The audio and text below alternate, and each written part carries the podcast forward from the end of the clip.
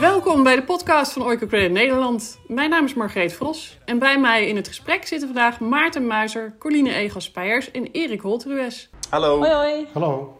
In deze aflevering bespreken we de impact van de coronapandemie op het werk van Oiko Credit en op haar partners. Het is nu al een andere aflevering, want door de omstandigheden nemen we dit natuurlijk ook op terwijl we allemaal in ons eigen huis zitten. Zo zie je dat de coronacrisis ons allemaal treft. Erik, jij schreef hier een opiniestuk over in het Parool. Jij riep op om juist nu ook aan de mensen in ontwikkelingslanden te denken. Ja, Margreet, dus ik, ik denk, eh, kijk, dat de coronavirus heeft natuurlijk een enorme impact. Dat geldt voor eh, Nederland, hè, maar we hebben natuurlijk wel het voordeel in Nederland dat we een sterke overheid hebben die meteen ook met allerlei steunpakketten is gekomen. Ja, en in veel landen in Latijns-Amerika, Afrika en Azië is dat niet. En, uh, het, uh, dus ik ben heel blij met die solidariteit die we in Nederland, denk ik, met z'n allen voelen. En wat ik eigenlijk ontzettend hoop, is dat we die solidariteit ook voelen met de mensen die uh, wat verder van ons af wonen. En niet alleen nu, maar ook echt op de langere termijn. Want ik denk ja, dat de impact van het coronavirus pas op de langere termijn zichtbaar wordt. En wat zijn de gevolgen voor, voor die mensen in die regio's? Ja, weet je, dus uh, dat, dat heeft natuurlijk een enorme impact. Hè? Dus ik, ik uh, ben een tijd terug in Oeganda geweest en daar misschien een heel simpel voorbeeld. Daar heb ik een leenkring bezocht van twaalf vrouwen die een hele kleine lening hadden. Die hadden elk een lening van ongeveer 100 dollar en daarmee kochten ze zaden en konden ze hun tuintje bewerken en die producten verkochten ze op de markt. Ja, kijk, als je in een uh, land leeft waar je niet meer naar buiten mag komen uh, en dus ook niet met je spullen naar de markt kan gaan, ja, dan heb je dus vanaf dag één geen omzet meer. Uh, dus dat kan een enorme, gewoon echt meteen kan het een enorme impact hebben. Maar denk ook aan boeren die hun spullen niet kunnen leveren. Denk ook eraan dat in rijke landen wordt er minder uh, geconsumeerd, hè, wordt er minder afgezet. Dat betekent dat er ook veel minder uh, producten nodig zijn uit landen in Latijns-Amerika, Afrika en Azië.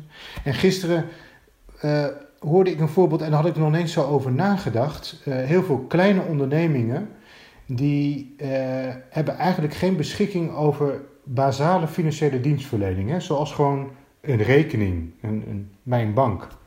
En dat betekent dat nog heel veel in cash moet. Maar ja, dat wordt dus ook lastiger in tijden van corona vanwege die, die social distancing. En ook omdat je die uh, besmettingsgevaar eigenlijk met cash veel groter wordt.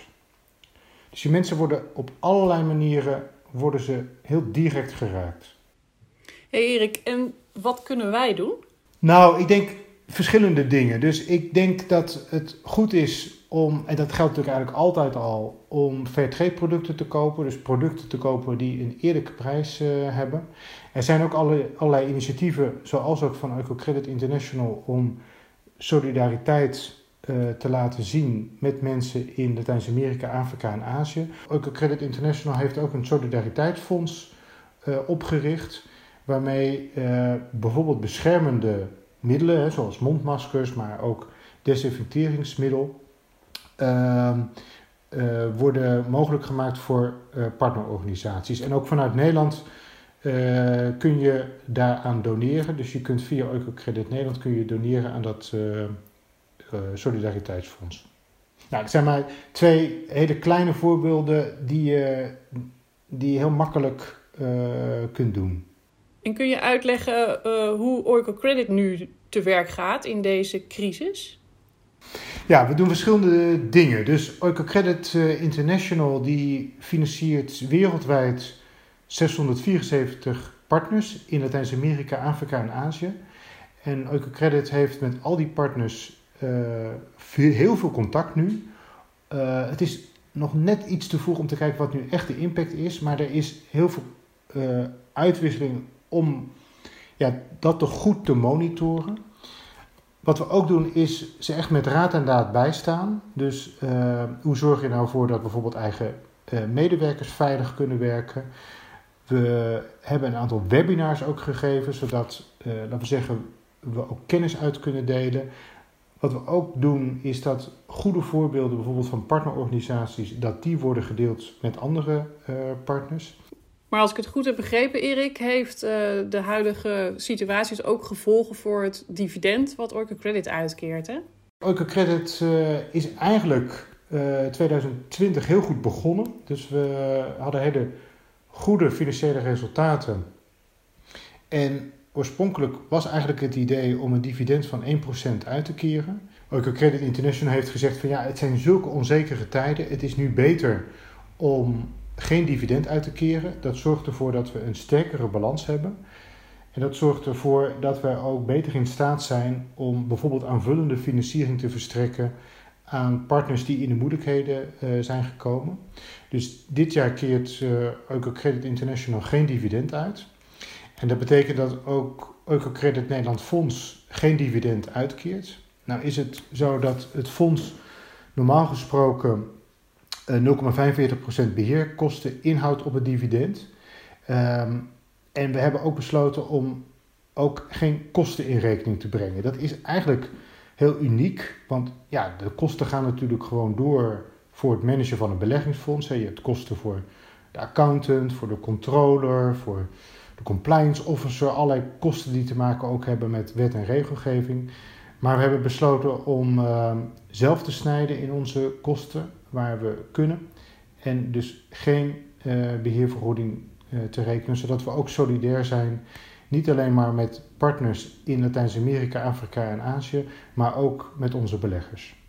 De effecten van de coronacrisis treffen ons dus echt allemaal. Uh, we horen veel verhalen en we zoomen even in op de situatie van boeren. Waarom is dat zo belangrijk, Maarten? Wereldwijd zijn miljoenen boeren voor een inkomen afhankelijk van landbouw. En door de coronacrisis en alle maatregelen die getroffen zijn, hebben nu heel veel boeren moeite met rondkomen. En waarom hebben ze juist nu moeite met rondkomen? Dat is toch altijd al zo? Ja, het is altijd moeilijk voor boeren. Maar door alle maatregelen die nu getroffen zijn uh, om, om het coronavirus in te dammen, um, ja, zie je, zien de boeren gewoon dat het nog moeilijker voor ze is. Er zijn bijvoorbeeld landen waar de, de landsgrenzen zijn gesloten. Uh, dus, dus de boeren kunnen minder, minder makkelijk reizen. Uh, maar ook uh, in havens gaat de afhandeling trager en er zijn hele bedrijven gesloten of deels gesloten. Um, en nou, net als in Nederland zijn in heel veel landen ook restaurants en cafés gesloten. Dit, dit allemaal zorgt ervoor dat de, de prijzen die de boeren krijgen voor hun producten, dat die dalen. Want er is minder vraag. Uh, en wat is dan het gevolg daarvan? Dat de boeren nog minder inkomsten krijgen. En dat zijn dus juist die mensen die voor hun inkomen afhankelijk zijn van de landbouw. Wat moet er gebeuren om de boeren te steunen? Dat is een hele moeilijke vraag. Het liefst natuurlijk corona de wereld uit. Um, maar ja, in deze situatie is het vooral belangrijk dat er een goede samenwerking komt tussen alle partijen die met de boeren handelen. Dus dan heb ik het over de boeren zelf, maar ook de overheden en uh, financiers van de boeren. Ja, als ik dan op korte termijn kijk, dan zijn eigenlijk drie punten die aangepakt moeten worden.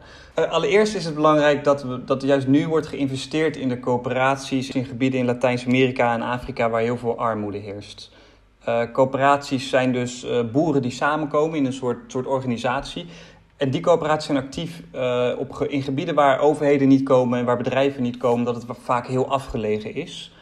Um, en dus is het belangrijk om juist deze coöperaties nu te steunen, want dat is echt een vangnet voor die boeren. Een tweede punt gaat over de financiers, dus dat zijn banken en impact-investeerders. Die moeten nu flexibel omgaan met de terugbetaling op leningen aan boeren. En als het mogelijk is, zelfs hun hulp aanbieden uh, om die boeren in deze moeilijke tijd een extra handje te helpen. En het derde punt, dat is niet per se een heel nieuw idee. Um, en dat is dat tussenhandelaren een eerlijke prijs moeten betalen aan de boeren en de kleine ondernemers voor hun producten. Wat je nu bijvoorbeeld veel ziet, is dat de boeren echt een bodemprijs krijgen voor de producten die ze aanbieden. Zoals bijvoorbeeld cacao. Dat gaat dan, die prijs gaat dan een paar keer over de kop uh, en komt uiteindelijk in de supermarkt uh, als product uh, terecht.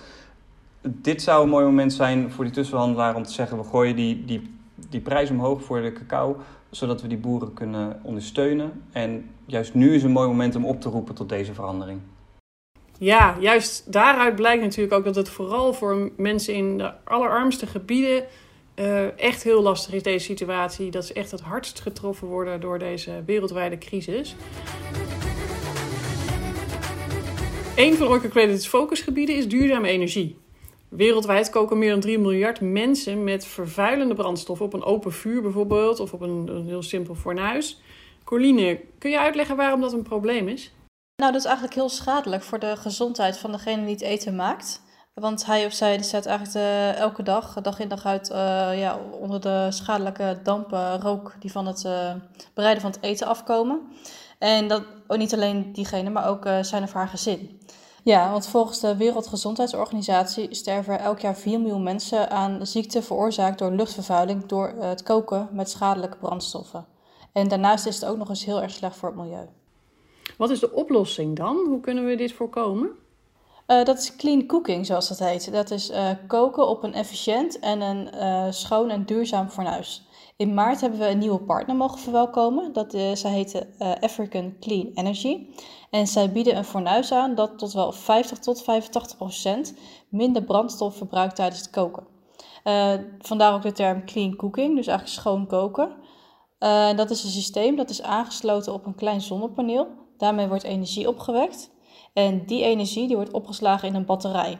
En die energie die in die batterij wordt opgeslagen, die kunnen gebruikers ook uh, gebruiken om bijvoorbeeld een telefoon op te laden of een lamp op aan te sluiten, dat soort dingen. Heel veel dus. Koken en licht, je telefoon opladen. Dat klinkt wel heel handig, maar is dat dan niet ook heel erg duur? Nee, het product is eigenlijk heel betaalbaar, ook voor de allerarmste huishoudens. Het systeem wordt namelijk betaald volgens een zogeheten pay-as-you-go-principe. En daarmee betalen klanten elke keer een gedeelte van het fornuis af.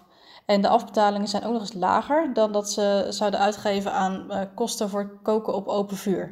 En het systeem werkt ook nog eens een soort van gratis energie op uh, via de zon. Mooi. Hoe gaat het dan met dit soort duurzame energieprojecten nu in de coronacrisis? Want besparen mensen die in armoede leven niet juist dan het eerst op zo'n systeem? Nou, de ontwikkelingen van de coronacrisis gaan razendsnel. En ik denk dat uh, het ook zo is dat mensen die in armoede leven ook echt het hardst getroffen worden, helaas. Een risico is bijvoorbeeld dat mensen hun inkomen verliezen en dat ze hun energie niet meer kunnen betalen. Uh, maar ja, wat wij juist merken in deze tijden van crisis is dat mensen, en ik praat nu over de mensen in Afrika, die blijven betalen voor hun zonne-energie. Uh, nou, waarom is dat? Om, eigenlijk omdat ze zo hun toegang tot nieuws en informatie blijven behouden. Want dat doen ze via hun mobiele telefoons, uh, via radio en televisie. En die moeten opgeladen worden.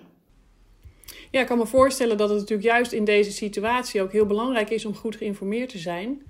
Dus heel fijn dat dat inderdaad kan, kan blijven bestaan. Dit was de podcast van Orca Creative Nederland. Tot de volgende keer. Doei. Doei.